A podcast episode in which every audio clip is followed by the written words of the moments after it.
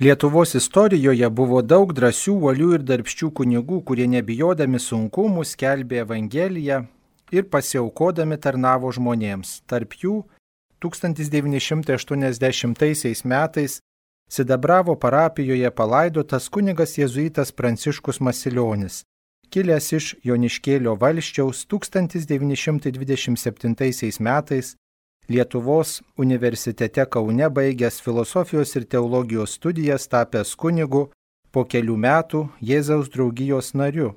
Jis studijavo jėzuitų kolegijoje Innsbruke, dirbo mokyklų kapelionu, vikaru, administratoriumi, vis ieškojo būdų, kaip šio laikiškai apaštalauti ir dar prieškario spaudoje skelbė straipsnių, nuolat vedė įvairias rekolekcijas ir pogrindyje 1947 metais įkūrė Eucharistinio Jėzaus seserų kongregaciją ir buvo pogrindžio Eucharistinio sąjūdžio iniciatorius, telkė kunigus, kad gintų varžomas tikinčiųjų teisės ir pasauliečius kvietė jungtis į Eucharistijos bičiulių gretas.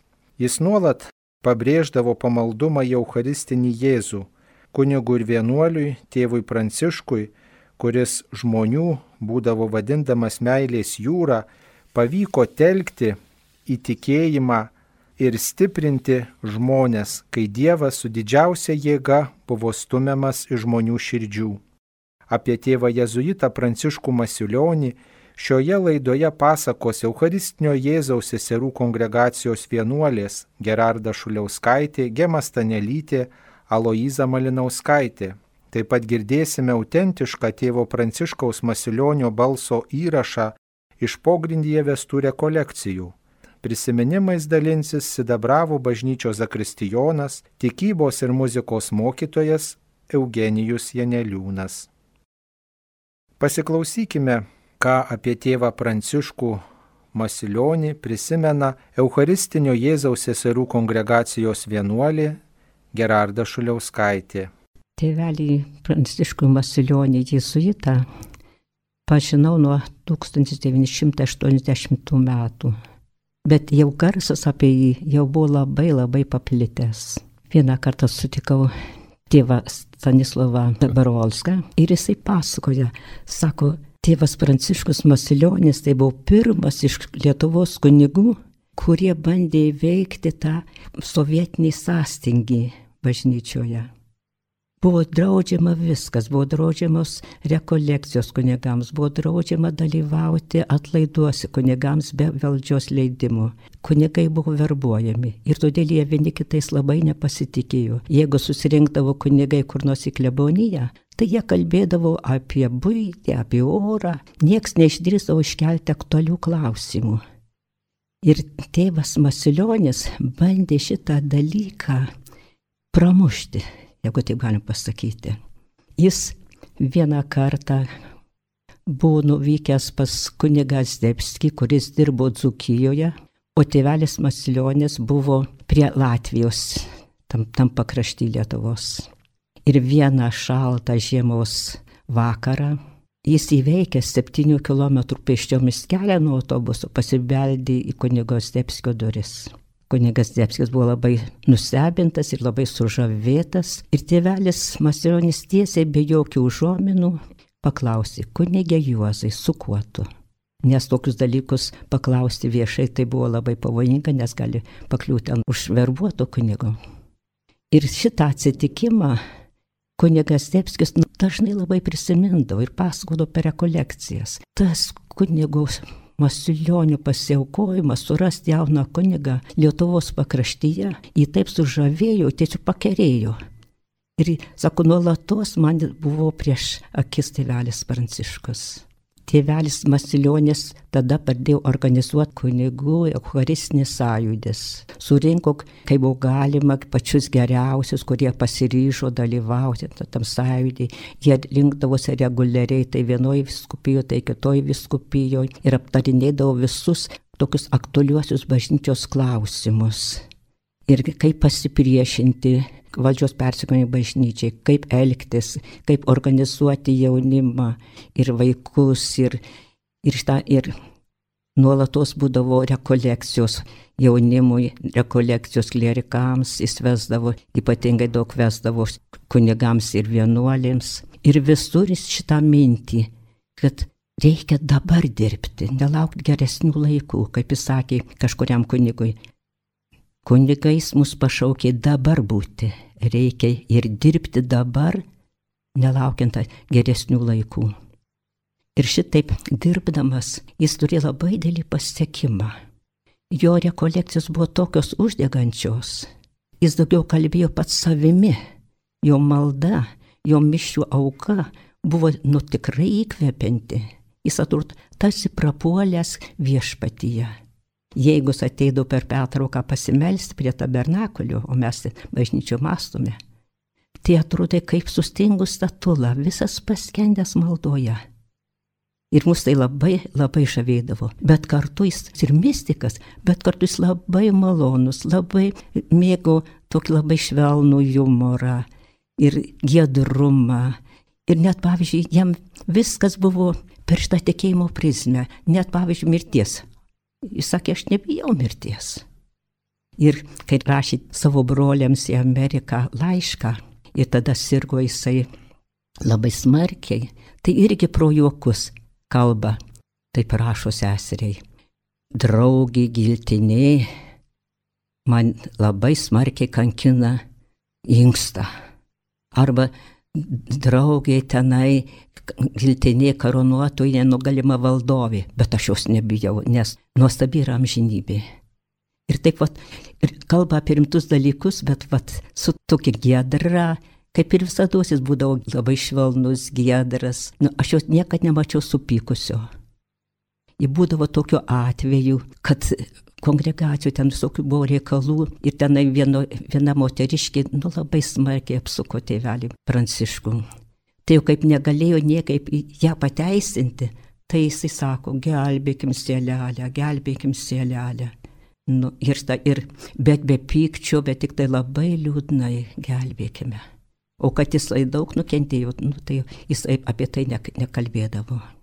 Ir iš viso jisai per rekolekcijas taip sugebėdavo užtekti, taip sugebėdavo įteikti meilę Euharistijai.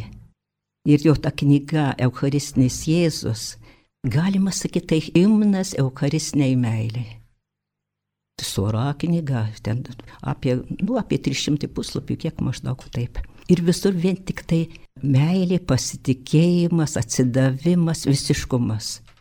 Netruputį duoti, viską atiduoti. Netruputį mylėti, bet visą širdį mylėti. Ir tik tada būsi žmogus laimingas. Tai buvo jo toks moto. Bendraudamas su, su seserimis, jisai vat kažkaip jeigu ir būdavo kas nors, jis labai, labai atsargiai, labai, labai švelniai primindavo ir labai, nu kažkaip, sakyčiau, humaniškai. Jis ne tik tai, kad mylėjo ten seseris ar tenai kunigus ar ką nors, bet rūpėsi kiekvienu žmogumi. Jeigu sužinodavo, kad koks nors parapijos senukas ar močiutė serga, jis būtinai lankydavo ir, ir jam nebūdavo sunku iš tenai iš šiaurės Lietuvos atvažiuoti į Kauną pas pažįstamą vaistinkę, nupirkti vaistų, kad nuvežtų tai bubutį, kad jinai pasveiktų. Paskui, kai pradėjo gauti siuntinius iš savo brolio ir sesers iš Amerikos, jie buvo gydytojai. Ir tenai būdavo įdedama vaistų, kurių čia nebuvo, antibiotikai, kurių dar čia niekas nežinojo. Tai jis stengdavosi ne tik savo naudoti, bet kur kokia nors atveju sunkesnis, atiduodavo savo. Taip jis išgelbėjo tris vaikelius tiesiog iš mirties. Ir vieną kartą, kai moteriškė kažkokia labai susirgo, aplankė ją ir pamatė, kad labai blogai, jie tikrai blogai, tai jis vakare nuvažiavo į panevišį pas gydytoją į namus, kad tas gydytojas kaip nors gelbėtų tą moteriškę. Jam pasiaukoti tai nieko nereiškia. Niekad jam nebuvo svarbu, ar jis įsimiegojęs, ar neįsimiegojęs, ar pavalgęs, ar nepavalgęs. Kai atvažiuodavo pavyzdžiui į Vilnių ir pas seseris, jisai niekad nenakvodavo bet važiuodavo nakariniu autobusu į Panežį, ten prabūdavo visą naktį stotyje ir tik tai ryte važiuodavo į Sidabravą. Nusesys labai prašydavo, bet jis mokėjo išnaudoti bet kokias aplinkybės apaštalavimui. tą ragino į seseris. Vieną kartą iš žirmūnų mūsų sesuo Bendigna jį lydėjo su taksi įstoti. Tai buvo jo vakaras. Ir atsisėdęs prie vairuotojo jis pradėjo kalbėti apie tikėjimą. Bet jis taip gražiai, kultūringai, iš pradžių vairuotojas labai kažkoks nepatenkintas buvo ir kažkaip pasipūtęs, o paskui pamažėlė, pamažėlė. Jis kalba apie astronomiją, kalba apie žymius mokslininkus tikinčius. Ir taip buvo, kad kai atvažiavo iki stoties, vairuotojas pasakė, Jeigu kada jums reikės, ateikit pas mus pernakvot, aš gyvenu prie stoties, davė savo adresą. Ir su tokiu džiaugsmu jį išleido iš mašinos. O tai atstumas nuo žirmūnų iki stoties tai nedidelis. Jis mokėjo taip labai gražiai prieiti. Ir ne taip, kad iš karto nutiesiai sakyti apie Dievą, bet va taip turėjo to sugebėjimą paliesti žmogaus širdį.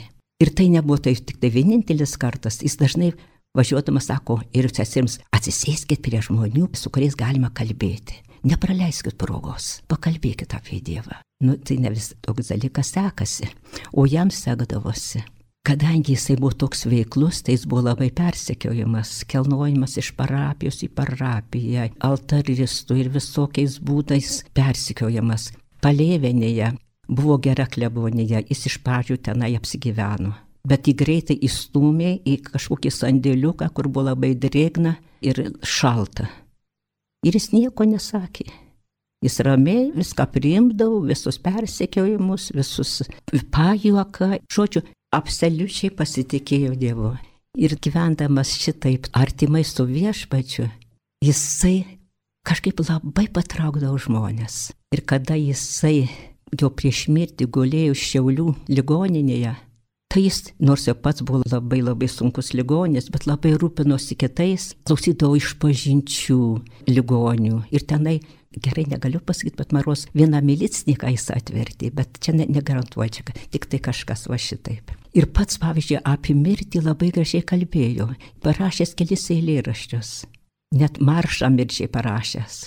Dar žingsniai keli ir kelionė baigta, prie kapo paliekam lasdelę Bet tai tik pradžia, pabaigos niekada mes einam į nuostabę šalį. Ir kitome eilėraštį rašo, mamytė, kiedri rimo prie mano karsto. Aš tėvynėje, nepaprastoj grožybėje, tu manęs neliūdėk. Va taip, visus žadindavau, kad į mirtį žiūrėti visiškai paprastai, kad mirtis tai nėra kažkoks baigėsi diena, naktis ateina, čia mes išeinam į nebūtį. Ne, jis sakydavo, rytas bus, bus rytas, bus naujas rytas išauš. Ir iš tiesų jisai mirė ryte. Šiauliuose. Mus išvarė į bažnyčią, būtinai eikite į bažnyčią, į brolius jėzuitus ir ten pasisutės jisai buvo atvežtas. Ir mus visas išvarė likus tik viena sesutė. Ir ryte, kai mišios maždaug baigėsi, jisai 8.50 iškeliavo jam šnybę. Tikrai jam išaušo naujas nuostabus rytas. Ir kada jisai susirašinėdavo su broliais Amerikoje, ten buvo du broliai ir dvi seserys pabėgę iš Lietuvos. Juos irgi žadindavo labai pasitikėti, labai mylėti. Ir broliai labai daug padėdavo jam čia Lietuvoje. O jis tuos, kaip gaudavo siuntinius, tai koliks pareidavo iki namų, tai sako, dažnai jau tie siuntiniai beveik ir būdavo tušti išdalindavo žmonėms, ką tik turėdavo išdalindavo. Nu taip truputėlį susipažinę su tėvu Prancišku Masilioniu, norėtume, kad jo mintys labiau paplistų, jo meilė Euharistijai daugiau uždegtų žmonės. Ir ta meilė veržėsi tiesiog iš jo širdies tokia galinga srove, jį vadindavo meilės jūra. Ir būtų gerai, kad ta meilės jūra užlietų mus visus. Ir kad ta meilės jūra būtų mūsų džiaugsmas. O susipažinti su tėvu Masilioniu, jo raštais labai labai būtų naudinga. Yra daug išleistų knygų, yra rekolekcijos, yra Elis Magnifika, konferencijos, yra eilėraščių daug. Broliai išleido vieną rinkinį Amerikoje per skausmus į garbę. Ir tenai labai dėlis dvasiai lobinas, kurį tikrai verta paskaityti. Jūsų dėmesiui unikali galimybė išgirsti ramų 1980 metais pas viešpatį iškeliavusio tikro dvasios milžino kunigo Pranciškaus Masilionio vestų rekolekcijų garso įrašą. Tegul kalba neišraiškingos retorikos priemonės, o nuolankaus ir ramaus, drąsaus kunigo žodis. Aš labai norėčiau pabrėžti sesutės, pabrėžti maldos svarbą, nepamainomą svarbą. Jeigu jūs norite, norite pažangos dvasios gyvenime, šventumo, jei norite, jei norite didelio paštalavimo, būtina malda, būtina praktikuoti. Ar rimtai praktikuoti? Vėlį nepavalgykit pusryčių. Vėlį atsikelkit vieną valandą anksčiau neapleiskit mąstymo. Atidėkit darbus. Taip tvarkykit darbotvarkę, dienotvarkę, kad maldai būtų tinkama vieta. Tik kai svarbus reikalai, svarbus, tada atidėkite vėlesniam laikui arba atleiskite. Ten yra kaip papildyti.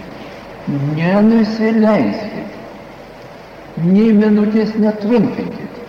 Į kada ima nuobodulys arba vidinis apleitimas, nenusileiskit, dar prateskit tos pusę minutės.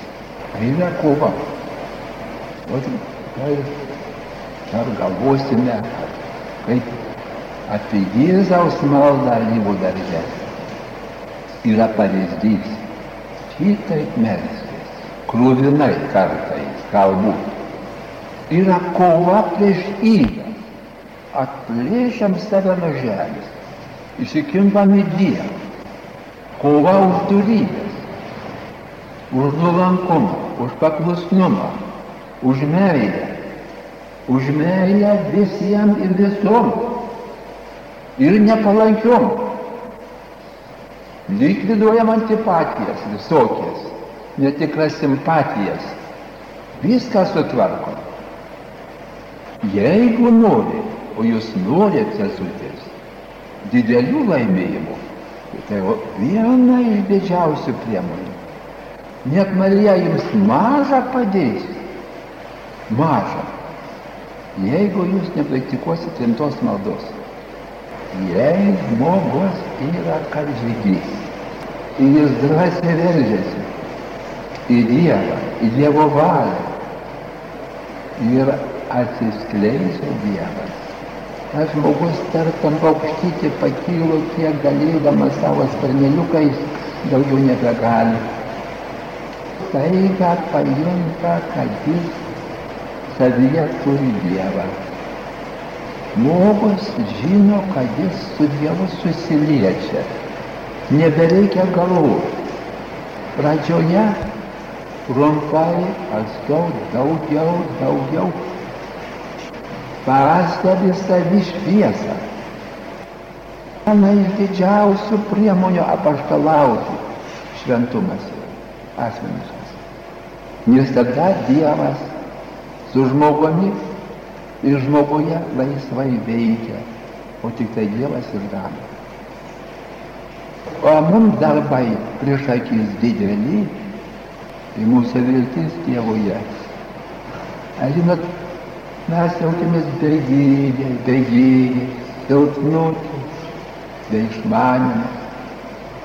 Ar mes turim tylą, mes turim didžiausią valdovą, veikia su mumis, mes turim motinėlę Mariją.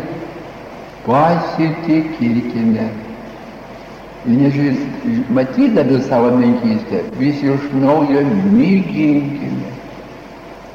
Iš šitos malonės suteikiamos, arba taip Dievas veda, ne tik tuos, kurie vienuolynuose gyvena, ar kokie kunigai, ar vyskupai, ar šventasis Dievas, kad e, kur Dievas randa karžygiškumą. Pavyzdžiui, Ona Marija Taidžiai šeimos motina, jos vyras kiemo sargas.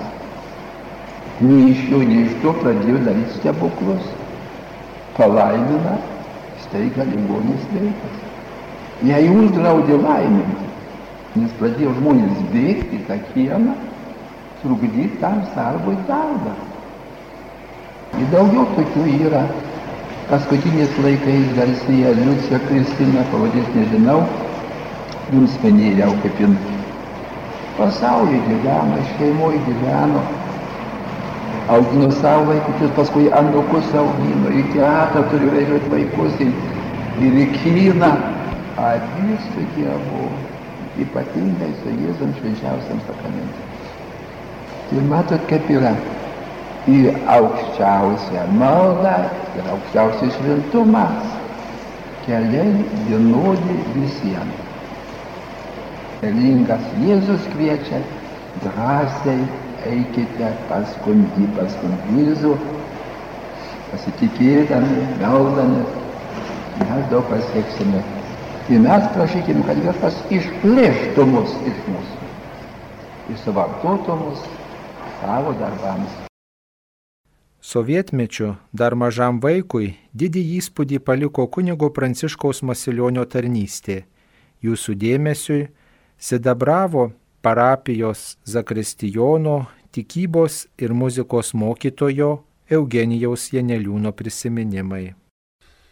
Pažintis buvo tokia, kad kaimynų berniukas, jisai buvo vyresnis, pakvietė, jisai jau tarnaudavo bažnyčiai, mišiuose, kiekvieną vakarą eidavo ir pakvietė mane, man buvo tada 8 metai, ir pakvietė būtent į bažnytėlę ir ta pažintis tapo tokia lemtinga, kad likščiol aš būtent šitai bažnyčiai praėjęs visas instancijas nuo patarnautojo iki teko ir zakristijonų pasidarbuoti ir jau 27 metai vargonininkas, kaip tik pasilikau būtent uždegtas tėvelio, jo meilės, jo būtent Jis man buvo kaip idealas didelis. Kada minėjom 35 metį, prieš tai buvo viena žurnalistė buvo paklaususi, Kaip galėjo senukas 76-78 metų senukas patraukti tiek, kad buvo tiek pilna jaunimo? Pasakysiu, kad būtent savo meilę mums ir mokėjimu išklausyti, mokėjimu padrasinti, o buvo kaip tik buvo tie tokie tikėjimo persekėjimo laikai ir būtent uždegti drąsos įskiepyti. Ir galų gale meilės, meilės Dievui, jis mums buvo didelis pavyzdys. Ir aišku, kaip minėjau, būtent į mus kreipdavosi ir bendraudavo kaip su savo lygiu.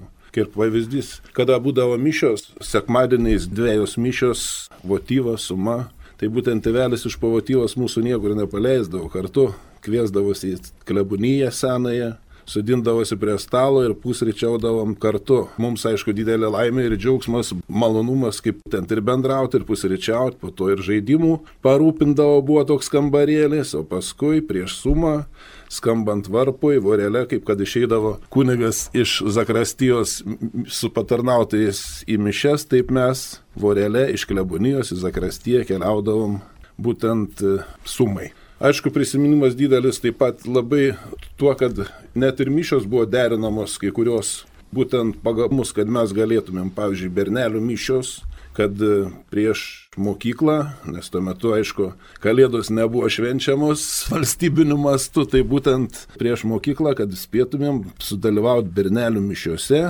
ir būdavo labai gražus, dabar prisimenu su tokiu malonumu, kai atidaro, o ten kuprinių, mažoji tokioj zakrastyjų, kuprinių vos ne iki lubų. Tai būtent ir patarnautų, ir berniukų, ir mergaičių buvo, mergaičių aišku zakrastyje kitoj pusėje. Tai va ir paskui po mišių visi čia visi eina mokytojai į mokyklą, tie, kuriem abejingi, aišku, ir pro bažnyčią praeidavo ir tie, kurie buvo aktyvūs kovotojai, tai jiems būdavo toks šokas, pamačius kaip iš bažnyčios masė vaikų jaunimo keliauja į mokyklą.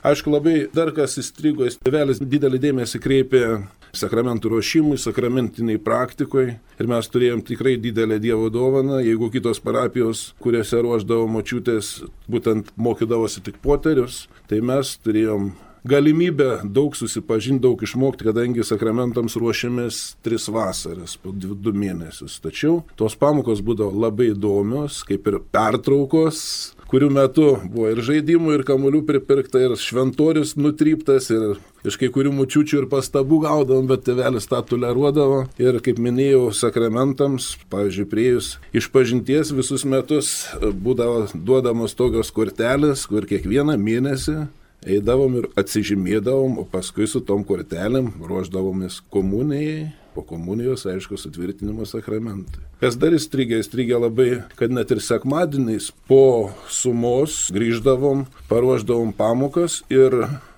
pas tokią močiutę gyveno, kada būdavo praktikui klierikas, dar atsimenu vardą Petras, mums buvo irgi labai didelis šviesulys tuo metu ir, ir draugas vyresnis. Ten būtent e, būdavo tokie teminiai užsiemimai, teminės popietės. Tevelis parūpidavo tuo metu, kiek leisdavo tą techniką ir skaidrių, ir įvairios medžiagos apie šventųjų gyvenimą, ir apie bažnyčios gyvenimą. Juk mes ne ką te girdėjom, aišku, būtent buvo skiepijama, kad bažnyčia tai yra babučių reikalas ir babučių susirinkimai, tačiau žiūrint į bažnyčią matydavom, kad tai toli gražu netiesa, tai va tiek tokie gražus prisiminimai išlikę ir, nu, nežinau, mums buvo tikrai idealas. Net prisimenam kitą kartą, jeigu tuo metu, nuo kokios profesijos buvo pačios populiariausios, turbūt kosmonautai, mokytojos, nežinau kas ten būdavo, tai mūsų buvo tuo metu kunigai, norėjom būti. Ir toks lengvas šokas pirmą kartą, kada teko pamatyti supykusi kuniga, tai buvo pirmas šokas, nes mes to nematėme. Tai buvo jau, kada tėvelis miręs buvo, pašarvotas, kiek ten ištisai vyko ir mišios vakarais, ir daug kunigų, vienai laidotuvėse 135, kaip prašau, dalyvavo, o šiaip ir vakarais būdavo. Ir mes ten buvom gaspadoriai tokie, sakyčiau, nes mums tikrai daug žinojau ir mokėjom ir aprengti, ir ten jau kaip šeimininkaudavom. Tai būtent jau čia ruošiamės aprengti kunigus tuos, o čia vienas, dar jūs čia tie kunigų, dar jūs čia maišysitės, tai mums tada buvo labai toks jau didelis šokas. Pirmą kartą pamačius susierzinusi kunigą, nes mes to nematėm. Tai va toks, o aišku, būtent tas, tai, kas už tą žinia, kada, kada mes sužinojom, kad tėvelis iškeliavo amžinybė, tai buvo mums labai liūdna ir tokia mūsų tuose mažose širdutėse tuo metu tokia buvo tuštuma. Tai va buvo labai liūdna. Kaip minėjau, atsimenu, kad iš to atsiminimų, kad prie tėvelio ėjo su relikvijom, su rožančiais, su paveikslėliais ir lietė jį. Aišku, mes tuo metu gal nesupratom tai, bet paskui, kaip manoma, žmonės mane, kad vis dėlto tai buvo švento gyvenimo pavyzdys ir tikimės, kad mes išgirsim ir tai, kad tėvelis kažkada bus paskelbtas palaimintoju, o gal ir šventuoju. Čia mums didelė garbė, kad jo būtent tie žemiškieji palaikai ilsisi mūsų bažnytėlė šventoriai. Sidabravę. Sidabravę, taip. Buvo tas žodis toks jo paveikus, ar tikrai tie pamokslai ugningi, sudominantis, paaiškinantis. Kiek esam girdėję, mes matome dar vis tiek mažuliukai buvom, dar supraski, kada ką sunku, bet iš tikrųjų klausydavom pamokslą, taip, būdavo uždegantis. O kaip jis bendraudavo su žmonėmis, kaimo žmonėmis, štai kviesdavo vaikus, ruoždavo juos sakramentams ir rodydavo štai jiems tokį rūpestį ir kaip su kitais žmonėmis bendraudavo parapijoje. Mėgdavo jisai keliauti. Ir žiūrėkit, kitą kartą važiuojam, pavyzdžiui, autobusas iš Šeduvos, o jis ten įlipa jau pakeliavęs kokiu trejata kilometrų, sėda į autobusą, bendrauja su visais šnekas. Ir šiaip ateidavo į kleboniją pas jį daug, bendraudavo, tikrai bendraujantis buvo. O dėl to sunkumų neturėjo, nežinot, jūs arba kiti žmonės, vaikai, arba pats kunigas iš tuo metinės sovietų valdžios, kad štai bendraudavo su jaunimu, kalbindavo žmonės ir vaikštinėdavo, tiesiog tokia evangelizacijos priemonė būdavo kalbėti su žmonėmis ir lankyti juos mokykloje mes šiek tiek turėdavom dėl to tokių pokalbių, kaip sakant, nemalonių su mokytojais, kurie norėjo ir daug girdėti, kas ten vyksta, dėl ko mes ten einam. Mes dar turbūt buvom per maži kažką žinot, nes jisai tikrai mums nesiskundė apie tai, ar jį persekiojo. Aišku, aš manau, taip nepaliko ramybė, nes iš tikrųjų tai buvo aktyvus apaštalas, sakyčiau, mūsų parapijoje ir aplinkui. O tai iš tiesų ten klebonijoje, kas jūs patraukdavo, pokalbiai su juo, ar kokia veikla, nes kartais dabar ir kunigai šiais laikais sako, nu ką veikti su tais jaunais žmonėmis, niekas neįdomu, jie visko persisotinę, kaip juos patraukti, sudominti, kaip parodyti jiems Dievą. Tai kaip parodydavo Pranciškus Masilionis. Visų pirma, savo pavyzdžių nes kaip minėjau, širdis tai buvo kaip ir toj knygoje parašyta, jį vadino meilės jūra. Tai buvo tikrai ne iš piršto laužti dalykai ir mes tą jūsdavom. Pajutom ir ta globa ir ta meilė ir, kaip minėjau, tas pastiprinimas toks ir pasišnekėdavom mes ir tais mokykliniais tokiais, kaip minėtais, tais susitikimais, kas mums šnekėdavo būtent mokytojai, kaip apie bažnyčią atsiliepdavo ir būtent iš to mes, kaip minėjau, gaudavom tokio stiprybės ir nieko mes ten nebijodavom. Nors, kaip minėjau, aišku, mums gal mažiau vyresniem tekdavo daugiau pabendrauti komjaunimą tai nestuodavo, tai vėl jam daugiau tekdavo. Tėvelis, kai mirė, aš tik buvau ketvirtoj klasiai. Kaip minėjau, didelis indėlis. Nors aišku, mūsų šeima yra su tradicijom, gėliom. Ir prosenelis buvęs maršalka, ir, ir seneliai bažnyčios korė gėdoja, ir mama gėdoja.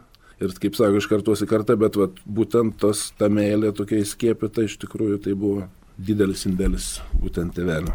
O žinojo tuo metu žmonės, kad štai jis yra vienuolis ir taip pameiliai vadinate tėveliu tą kunigą.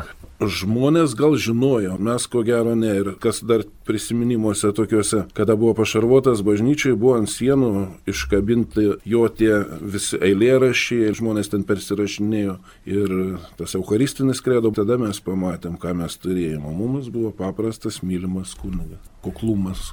Kaip leisdavo šventę su tėvų Pranciškų Masiulionių, kokios šventės būdavo, Velykos kalėdos. Velykos kalėdos, tai jau taip, atlaidai devintinių, mato atlaidai pas mus. Kokie versus... būdavo gal speciali kažkokia programa jauniems žmonėms ar kažkoks pokalbis, ką tai reiškia, kas čia bus, kaip vaikai dalyvaudavo tame. Daugumoje, bet kaip minėjau, tie susirinkimai tokie būdavo po mišių, po pietų, vat minėtos šviesios atminties Petronėlės namuose to šventis, tai kiekvieną sekmanį šventis, ypatingai tame tarpe tarp votyvos ir sumos, kartu prie stalo. Ir kas stalą paruoždavo pats? Šeimininkės, dvi seselės ten gyveno. Tai va būtent jos paruoždavo visiems. Ir mes tokie svarbus asmenys pasijūsdavom. Ir kiek jūsų, kiek jūsų ten būdavo? O skaičius nežinau, mūsų vien prie altoriaus ten daugiau turbūt negu ką paštalų. Kita kartą o dabar pasižiūriu kaip patarnautai, kada būna tokie gal šiek tiek vangoki. Dabar mažiukai yra tokie aktyvus pas mus parapijai. Bet mes e, pareigom skirstydavomės prieš mišes vakarais, aišku, mažiau būdavo, mes jau kokie 3-4 kiekvieną vakarą, kur ateidavom ką sakydavo tėvelis, jeigu padarydavot kokių klaidų patarnaudami mišiom arba kažką sugadindavot, kažkas iškrisdavo iš rankų. Greičiau kažką... sulaukdavom priekaištų iš bažnyčios tvarkytojų arba iš parapiečių, negu kad iš tėvelio. Iš tėvelio neprisimenu, kad aš būčiau, kad būčiau sulaukęs, būtume sulaukę kokiu nors priekaištų, nes mokėjau gražiai parodyti, kaip padaryti, kaip nutaškius ten kokie staltėse, tai jau gaudavom pilos nuo tvarkytojų bažnyčios moterėlių. Arba jeigu nemoka, ne, neužsidegdavo kitą kartą ar žvakės, ar kas jau ten juos pastabų duodavo mums, tėvelis ne, ne, neteko. Net neprisimenu, ką nors, kad būtų koks nors priekaištas, nepasitenkinimas iš jo pusės tikrai nebuvo. Aida vieną tokį atsitikimą, net ir vienas iš tų bendramžius čia buvo atėjęs patarnauti, bet toks buvo epizodinis ir paskui stoja į pionierius. Koks jis ten laimingas, kai jis įstoja į pionierius, ten kaip žinot, kaip kalbas tas reikėdavo sakyti. Nu ką, įstoja, įstoja. O sekmadienį ateina jisai į bažnyčią. Nu ką mes, nu tai jeigu tu pionierius, tai ko čia dabar jau. Ir išgirda tėvelis, nesako. Dievulis visų šaukė, sako, ir, žodžiu, nedavė mum nubausti už tai jo, bet tai gražiai pamokančiai, nesibardavais. Apgynė, žodžiu, tą pionierių, Apgynė, kad ir jis gali patarnauti. Jo, gali. Kokių dar prisimena tokių įvykių, galbūt kaip vaikai nuklauso kokių pokalbių suaugusių jų, ar mato, kaip štai elgesi su suaugusiais žmonėmis, štai ar buvo kokių nelaimių, pavyzdžiui, vaikystėje jūsų, kaip sakant, akiratį, kaip reaguodavo tėvelis, ar kaip nesusipratimų, ar dar kažkokių įvykių, kur vat, matytųsi, kokia jo reakcija, kaip jis sprendžia kažkokius klausimus. Neteko dėja matyti tokių dalykų, tai negalėčiau pakomentuoti to dalyko, nes tokio mes matėme iš šviesų, švytinti, entuziastingą tokį, o apie Kad e, seselio prisiminimuose girdim, kad pirmą kartą tėvelis pasakė žodį pavargau tada, kai gulėjo mirties patale. O šiaip visada būdavo optimistas. Nesiskūsdavo. Nesiskūsdavo. prisimenat tėvą Pranciškų Masilionį kaip tokį šviesų kunigą, kuris mylėjo žmonės, ką galėtumėt pasakyti kitiems kunigams, kurie šiais laikais darbuojasi, galbūt kitokios sąlygos, kitokios aplinkybės, kokią savybę galėtume iš šio to Lietuvo šviesaus žmogaus, šviesios asmenybės pasiskolimti, perimti kunigai ir žmonės, kurie gyvenam šiais laikais kitose sąlygose. Ja, turbūt visose - meilė Dievui, meilė artimui ir į tą mažulėlį žiūrėti, kaip kad Jėzus sakė, leiskite ateiti pas mane, nes jų dangaus karalystė.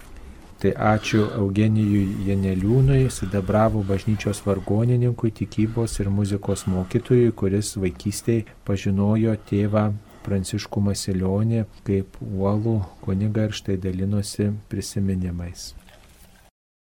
Ir dar keli prisiminimai, kuriuos mums dovanoja Eucharistinio Jėzaus seserų kongregacijos vienuolis sesuo Gema Stanelytė ir sesuo Loiza Malinauskaitė. Su tėvu Masilioniu aš susipažinau dar gerokai anksčiau prieš kongregacijos įsteigimą.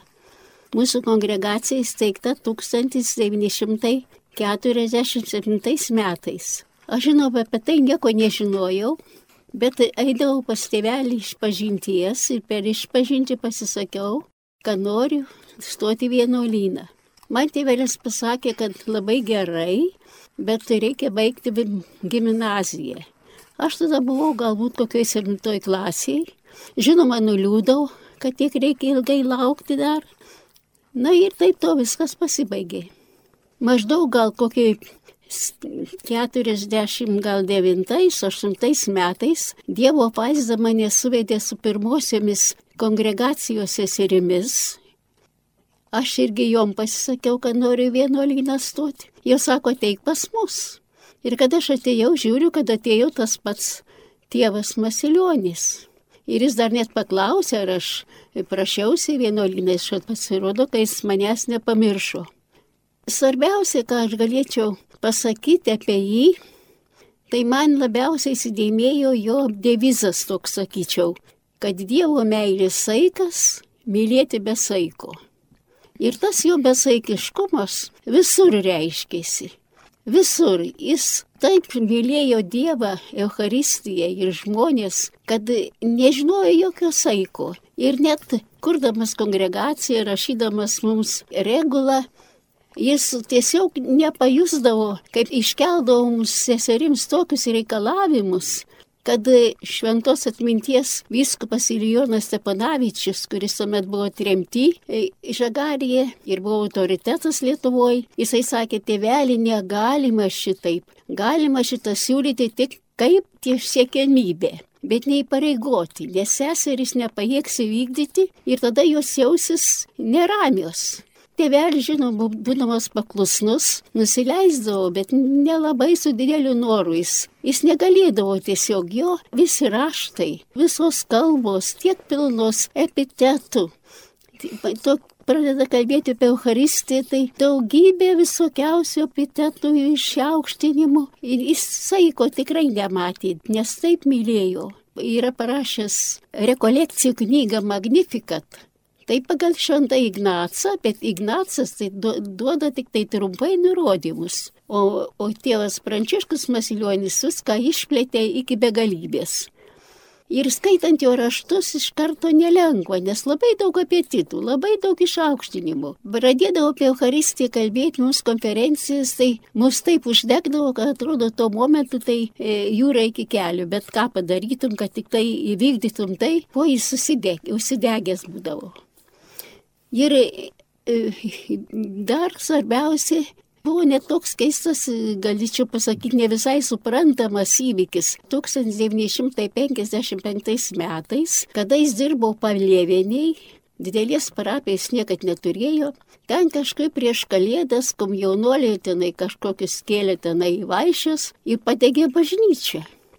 Ir tėvelis vaikšto po tos griuvėsius Ir sako, ačiū Dievui, ačiū Dievui, ačiū Dievui. Tai broliukas, kuris jam patarnavo, sako, tėvelį, jūs taip garsiai nesidžiaugit, nes sako, pagalvos, kad jūs pats padegėte tą bažnyčią. Žinoma, jis nesidžiaugė, kad bažnyčia sudegė ir dėl jos atstatymo jis paskui kryžiaus kelius perėjo. Bet jis džiaugiasi to, kad tai buvo prieš pat kalėdas ir kas sako, va dabar mes galėsim kalėdą švęsti taip kaip Jėzus. Prakartėliai. O tada tais metais tai dar žiemos buvo netokios kaip dabar būdavo ir šaltos, ir sniegotos. Ir tikrai jis atvažiavo pas mus e, po kalėdus. Linksmas šypsosi, sako, va, mes kalėdas atšventim taip kaip Jėzus. Pašiūriai, šalta, e, sniegas ir mišes ten aukojom. Jis toks buvo pilnas džiaugsmo, kad galėdėjau pasiaukoti. Dar man taip jau aiškiai buvo jo gyvenime, tai tiesiog jis turėjo pranašišką tokią įžvalgą. Jo laikais dar, tėvo Maslionio laikais, būdavo dar įprasta kalbėti, kad gelbėti sielas. Ir net tas ypatinga Jono Boško tas posakis, damihi animas ceteretolė, tok man sielas, visą kitą tiem. O tėvas Masilionis jau kalbėjo apie pilnutinį išganimą. Reiškia, ne tik siela, visas žmogus turi būti paimtas Dievui ir jis visada sakydavo, kad mokslo pasiekimai, technika turi tarnauti Dievui ir žmogaus pilnutiem išganimui matydamas pavojų, kad pats jaunimas yra labai, labai daug suklaidintas, nutolęs nuo Dievo, jie malonumų ieško karčiamose ir taip toliau, jau tada jis tą matė ir jisai tiesiog būkštavo dėl vaikų ateities, matydamas jų nekaltą žvilgsnį, jų tokias gėrių atviras viskam akis. Jam taip rūpėjo nešti į tą vaikų pasaulį, tą Jėzų, jo meilę atskleisti jiems suprantamu būdu, leisti jiems ateiti prie Jėzus ir pats Jėzus randa kelią pas juos, prakalba, svarbu juos atvesti. Užtat atsimenu, kaip jisai kalbėjo apie pirmosius penktadienius mokyklose ateiti pasiruošti susitikimui su Jėzu tais pirmaisiais penktadieniais. Ir būdavo organizuojami tiesiog iš vakaro jau išpažinčiai parapijoje, kuris darbavosi tokie vaikų sukvietimai, lydinti vėliams, aišku, tokie pirmo penktadienio pasirengimui atliekant išpažinti, o penktadieniais primant komuniją iš viso dėl garbinimo, dėl adoracijos, kuri tada tikrai nebuvo praktikuojama, bet tėvo Masilionio suvokimas Euharistiją kaip meilės šaltinį, kaip patį Jėzų, kuris kaip tik prie savęs ir kviečia, jis čia pasiliko. Jį labai buvo užvaldęs tas supratimas. Jis tiesiog praktiškai e, dėjo pastangas, matydamas tą pavojų grėsinti iš šalies, viskupo leidimu, kreipdamasis į jį, parašydamas jam net laišką, labai pagarbiai, labai nuolankiai, pabrėždamas, kad jis nenori nieko mokyti, nes jis yra silpnas, dar tik besimokantis, kaip tarnauti bažnyčioje, bet matydamas tuos pavojus, matydamas tuos trūkumus, jisai nori gauti tokį leidimą veikti, kur jis gali bažnyčios labui Jėzaus garbiai teikti Jėzų džiaugsmą tuometiniai katalikiškoji spaudoj žvaigždė buvo, buvo dar turbūt Lurdas, dabar neįvardinsiu tik, bet žvaigždė tikrai, jis rašydavo irgi, ir jis pats rašydavo, bet ir apie jį yra, apie jo veiklą atsispindi, ten yra straipsnių apie tas jo organizuojamas, vedamas misijas kaimų vietovėse. Jis buvo vienas iš tų iniciatorių ir jam buvo pavesta vyrų maldos apaštalavimo sąjūdis ir tiesiog skaičiais pažymėta, kiek tame susibūrime vyrų, keli šimtai buvo priėmė šventąją komuniją paskui jų atsiliepimai, ką jie gavo išgirdę šito pamokslininko tėvo konferenciją, jo mokymą ir asmeninę patarimą pokalbiuose išpažinti, įsiklausant jo į jo žodį. Tai rodo, kokia buvo jo širdį deganti meilė Euharistijai, nes jis aiškiai suprato, kad čia yra tas šaltinis liudijo ir parapiečiai, pačiai teko patirti, jis e, atradęs akimirką niekada nepraeina, neužėjęs į bažnyčią. Ir čia parimojas prie tabernakulio, prie Jėzaus. Ir pasakojo viena parapietė, atėjau ir klausiu kunigė, ar bus dar mišios, tai buvo jau popietis. Jisai sako, ne, jau, jau mišios buvo, tada būdavo daugiausia rytais mišios, bet ar gal norėtum priimti komuniją? Jis pats padrasina, jis pats paklausė, nelaukdamas, kad prašytų. veikla, kuri buvo tiesiog ugninga veikla. Jisai, kur galėjo, jisai tą pačią ugnį nešė. Laimingi, kurie ne tik pažinojo meilės jūrą, tėvą jėzuitų Pranciškų Masilionį, bet jo perteiktą tikėjimo liūdėjimą tęsia sava artimo ryšio su Dievu istorija. Ačiū šioje laidoje dalyvavusiems ir apie tėvą jėzuitą Pranciškų Masilionį pasakojusiems Eucharistinio Jėzaus seserų kongregacijos vienuolėms Gerardai Šuliauskaitėjai, Gemai Stanelytėjai, Aloizai Malinauskaitėjai, taip pat sidabravo bažnyčios zakristijonui, tikybos ir muzikos mokytojui Eugenijui Janeliūnui. Tegul nudžiugins tėvą Pranciškų amžinybėje esanti mūsų ištikimybė Eucharistiniam Jėzui.